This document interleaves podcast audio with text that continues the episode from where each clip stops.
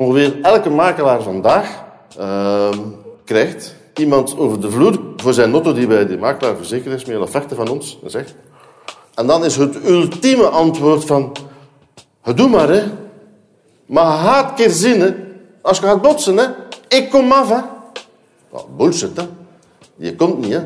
Moet maar een keer proberen te botsen de zaterdagavond om tien uur. Die makelaar zit thuis naast zijn vrouw in pyjama met glas wijn. Die pakt een telefoon niet op hè. Hoe gaan we dat nu wel proberen te bouwen? Wel, wij hebben ons voorgenomen van dat wat die makelaar belooft, van dat ook te doen. Hij mocht ons de zaterdagavond om tien uur bellen.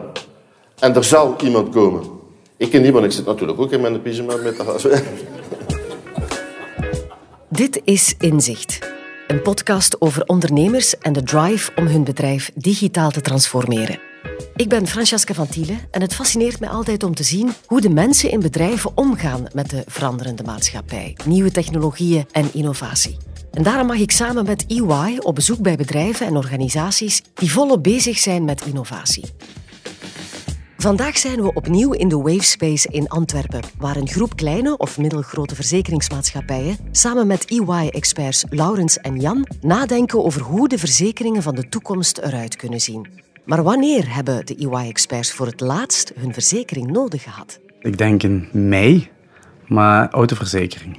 Ja, ik heb ehm, van mijn wagen bij het uitrijden compleet de paal mee gehad en niet opgelet, dus uh, die deur hing er nog half in. Ja, dan heb ik toch een verzekering moeten gebruiken. Gelukkig ook een Omnium.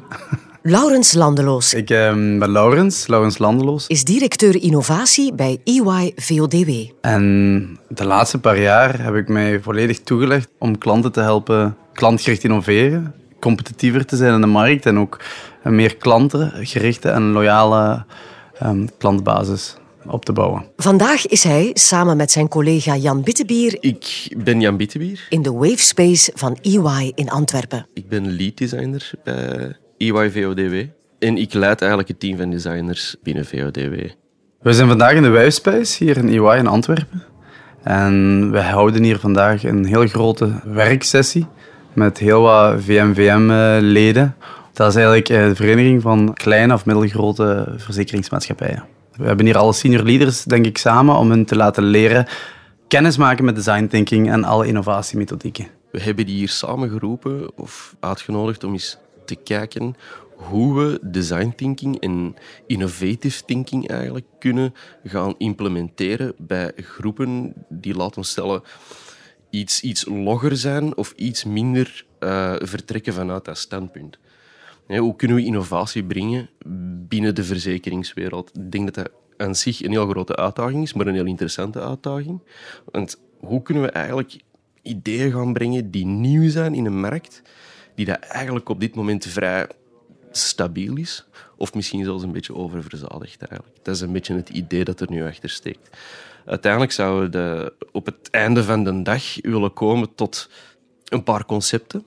En hoe denk je dan dat je met deze concepten het verschil kan maken voor de verzekeringssector? Ik denk de grootste uitdaging is, en dat is niet enkel voor de verzekeringssector, we zitten in een wereld die dat onwaarschijnlijk snel verandert. Die dat ook onwaarschijnlijk oververzadigd is op dit moment. Er worden apps naar je kop gesmeten, links en rechts. Zeker in een wereld waar het allemaal zo logisch, zo stug eigenlijk nog, is dat heel moeilijk om daar innovatie in te gaan brengen. Want je hebt een bepaald pakket dat je aanbiedt. Dus we hebben x aantal producten en dat kan een levensverzekering zijn, een inboedelverzekering, weet ik veel wat. Hoe gaan we daarin proberen van innovatie te brengen die dat één, niet al gebeurd is, twee, die dat effectief ook schaalbaar is naar de toekomst toe. Want daar moeten ook natuurlijk altijd wel mee in je gedachten zitten van hoe is dit eigenlijk sustainable, of hoe is dit houdbaar naar de toekomst toe. Design thinking lijkt een erg duur woord. Laurens, kan je het ons eens uitleggen wat dat precies is, design thinking? Misschien te beginnen eerst met design thinking. Heel vaak ook wel een misverstand met is dat methodiek.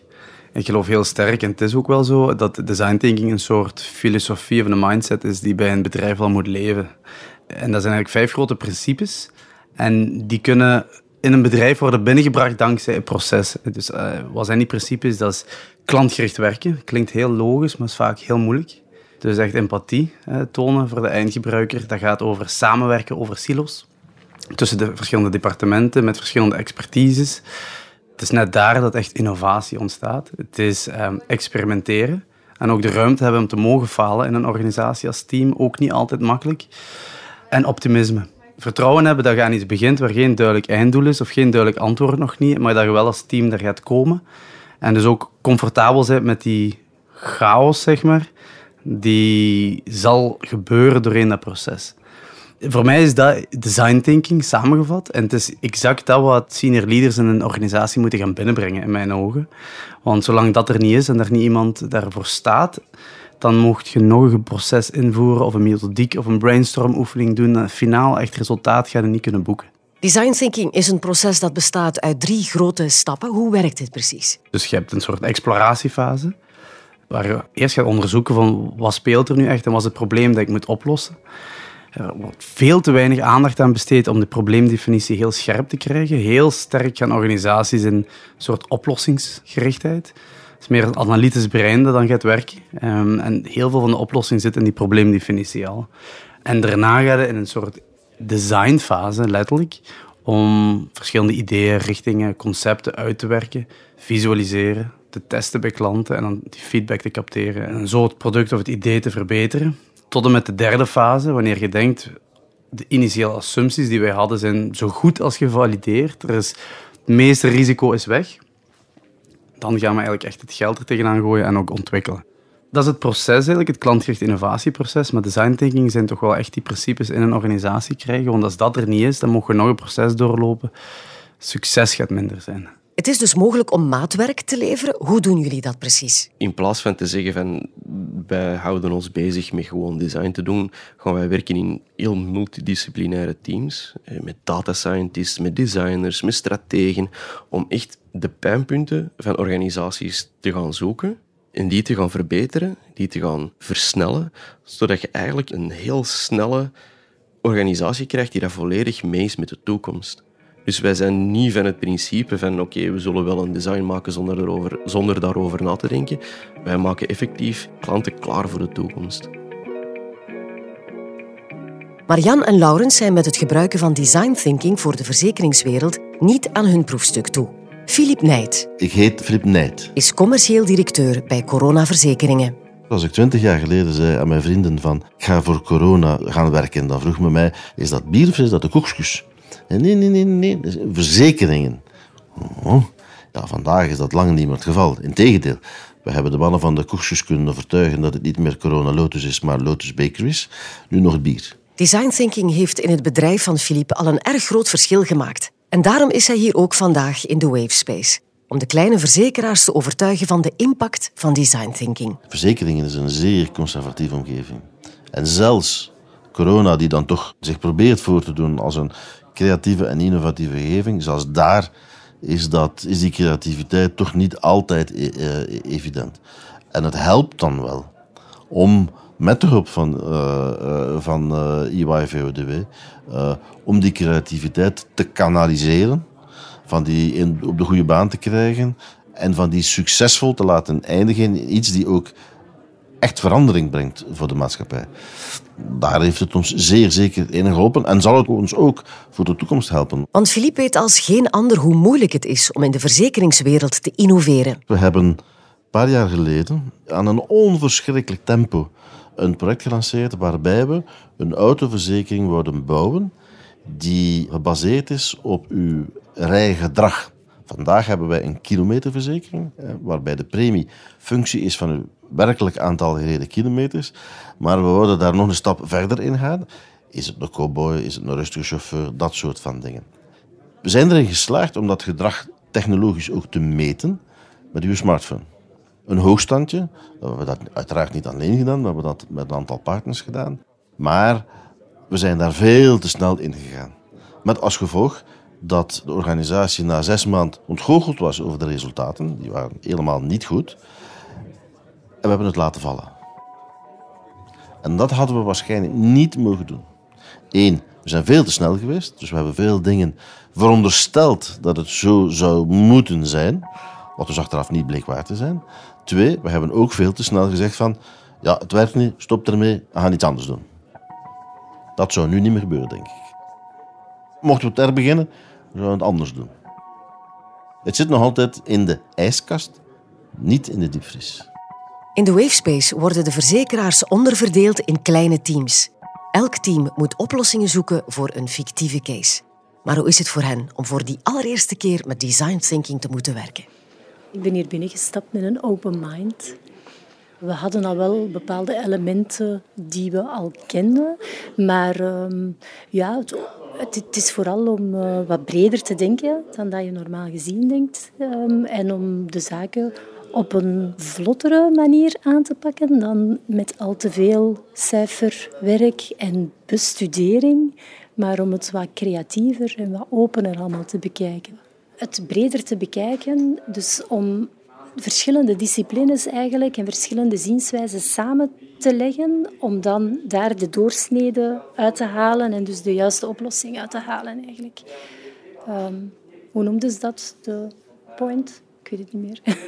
ja, de woorden hoef ik niet te onthouden hè, als ik de principes maar onthoud. De deelnemers worden ondergedompeld in de wereld van design thinking. Ze krijgen niet alleen opdrachten, maar ook getuigenissen en lezingen van verzekeraars die al werken met design thinking. Onder andere ook van Philippe, de commercieel directeur van Corona.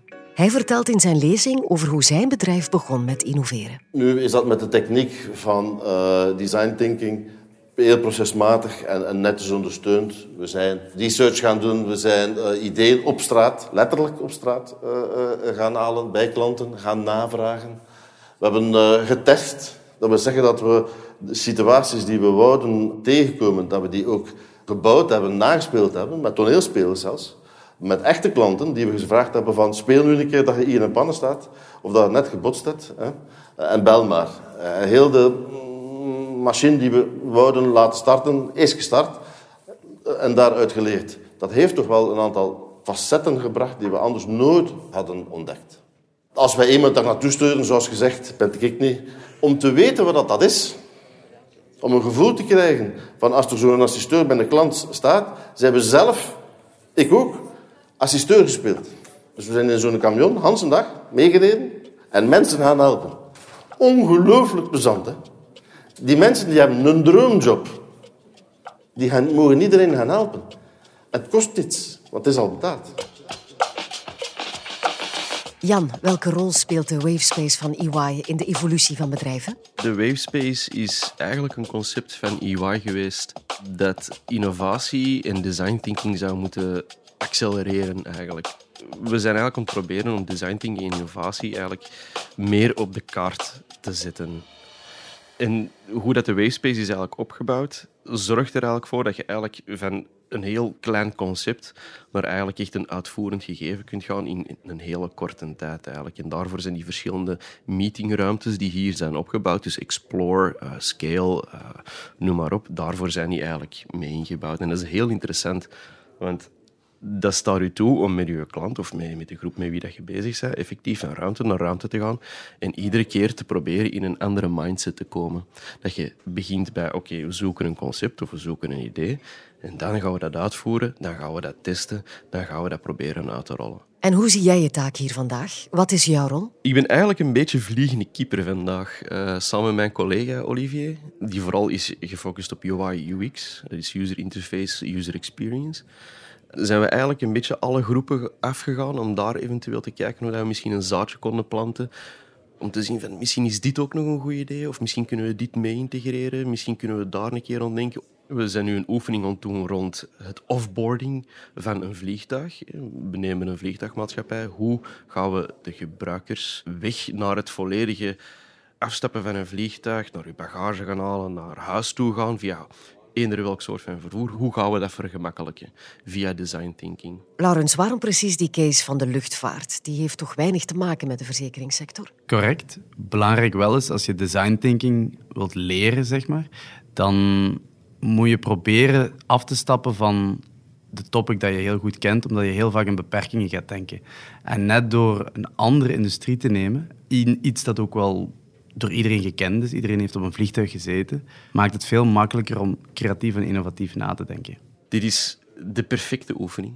En dan gaan mensen kunnen zien van, ah ja, dat hebben we zo besproken. Ah ja, dat is, dat is een idee. En, en die heeft dat geopperd en die heeft dat geopperd. En we hebben uiteindelijk die twee ideeën bij elkaar gesmeten. Om dan uiteindelijk allemaal een keer te gaan stemmen van wat is nu het beste, hoe gaan we dat doen, hoe gaan we dat aanpakken. Om dan uiteindelijk straks te gaan pitchen, want de teams moeten hun eigen ideeën komen pitchen om de hele groep. En dan gaan de resultaten besproken worden. En ik denk dat dat ook nog een heel interessant stuk gaat worden om iedereen te zien van ah ja, maar daar heb ik niet aan gedacht. Of daar hebben wij wel aan gedacht, maar besloten van anders te doen. Dus je gaat dat zien, dat wordt heel plezant. En daarmee is natuurlijk op het einde van de rit die validatie van de eindgebruiker, van de klanten, zo belangrijk. Want wij kunnen met ideeën zitten die wij supergoed vinden, maar misschien kan dat wel iets zijn waar je klant niet op zit te wachten en je denkt, eigenlijk vind ik dat eerlijk gezegd niks. Dat is een beetje het principe erachter. En als we dit nu kunnen gaan toepassen op de verzekeringswereld zelf, ja, dan krijg je een dynamiek die daar voor heel veel verandering zal zorgen op een hele korte tijd, denk ik. En hoe ziet de rest van de dag er nog uit? We hebben nu net een fictieve case gehad. We gaan straks een oefening doen op hun persoon, dus op hun als bedrijf, waar ze zelf gaan nadenken wat zijn van die uitdagingen waar deze methodiek design thinking relevant is. En we gaan samen met hun een soort designbrief ontwikkelen. Idealiter dat ze het in een organisatie kunnen brengen als een soort test. En als ze daar hulp bij nodig hebben, of klankbord, zeker onze rol om dat te moeten spelen en hen erin te begeleiden. Ja. Idealiter zou zijn dat de mensen terug naar ons komen om te zeggen van kijk, we hebben gemerkt dat we met een hele grote hoop ideeën zitten om de markt te veroveren. Kunnen jullie ons daarbij helpen? Dat is een beetje het idee dat we nu eigenlijk naar voren willen brengen. Dat hoeft niet per se bij ons te zijn, uiteraard, maar we willen wel design thinking as such de wereld inschieten. En hebben daar geen voeling mee. Want bedrijven, dat zijn heel strakke gegevens, waarin dat, ja, de, technologie niet altijd mee zit, of die infrastructuur zit niet altijd mee. En je kunt het daar niet as such als een gegeven in gaan brengen en zeggen van kijk, hier is design thinking, gebruik dat nu maar. Dat gaat voor heel veel bedrijven niet. Maar wat we wel kunnen doen, is dat faciliteren en zeggen van kijk, wij nemen jullie ideeën en wij gaan op die manier samen met jullie die ideeën gaan uitwerken. En op die manier te zien van dat we toch een klein stukje verandering kunnen brengen in de wereld als je het bij het hart gaat nemen, zijn we wel allemaal een beetje wereldverbeteraars. Of we dromen daar toch wel een beetje van. En dat vind ik ook heel leuk om te zien. We hebben allemaal grote ideeën en we zien de toekomst heel rooskleurig in. Dus ik denk dat dat het ideale scenario zou zijn. Toch de wereld een klein beetje verbeteren. Dit was Inzicht, een podcast van EY in samenwerking met Tijd Connect. Over ondernemers met de drive om hun bedrijf digitaal te transformeren en zo onze maatschappij fundamenteel te veranderen. Wil je meer weten over hoe jouw bedrijf ook kan transformeren? Ga dan naar www.tijd.be-inzicht. Als je deze podcast interessant vond, vertel het gerust verder. Mijn naam is Francesca van Tiele. Bedankt voor het luisteren.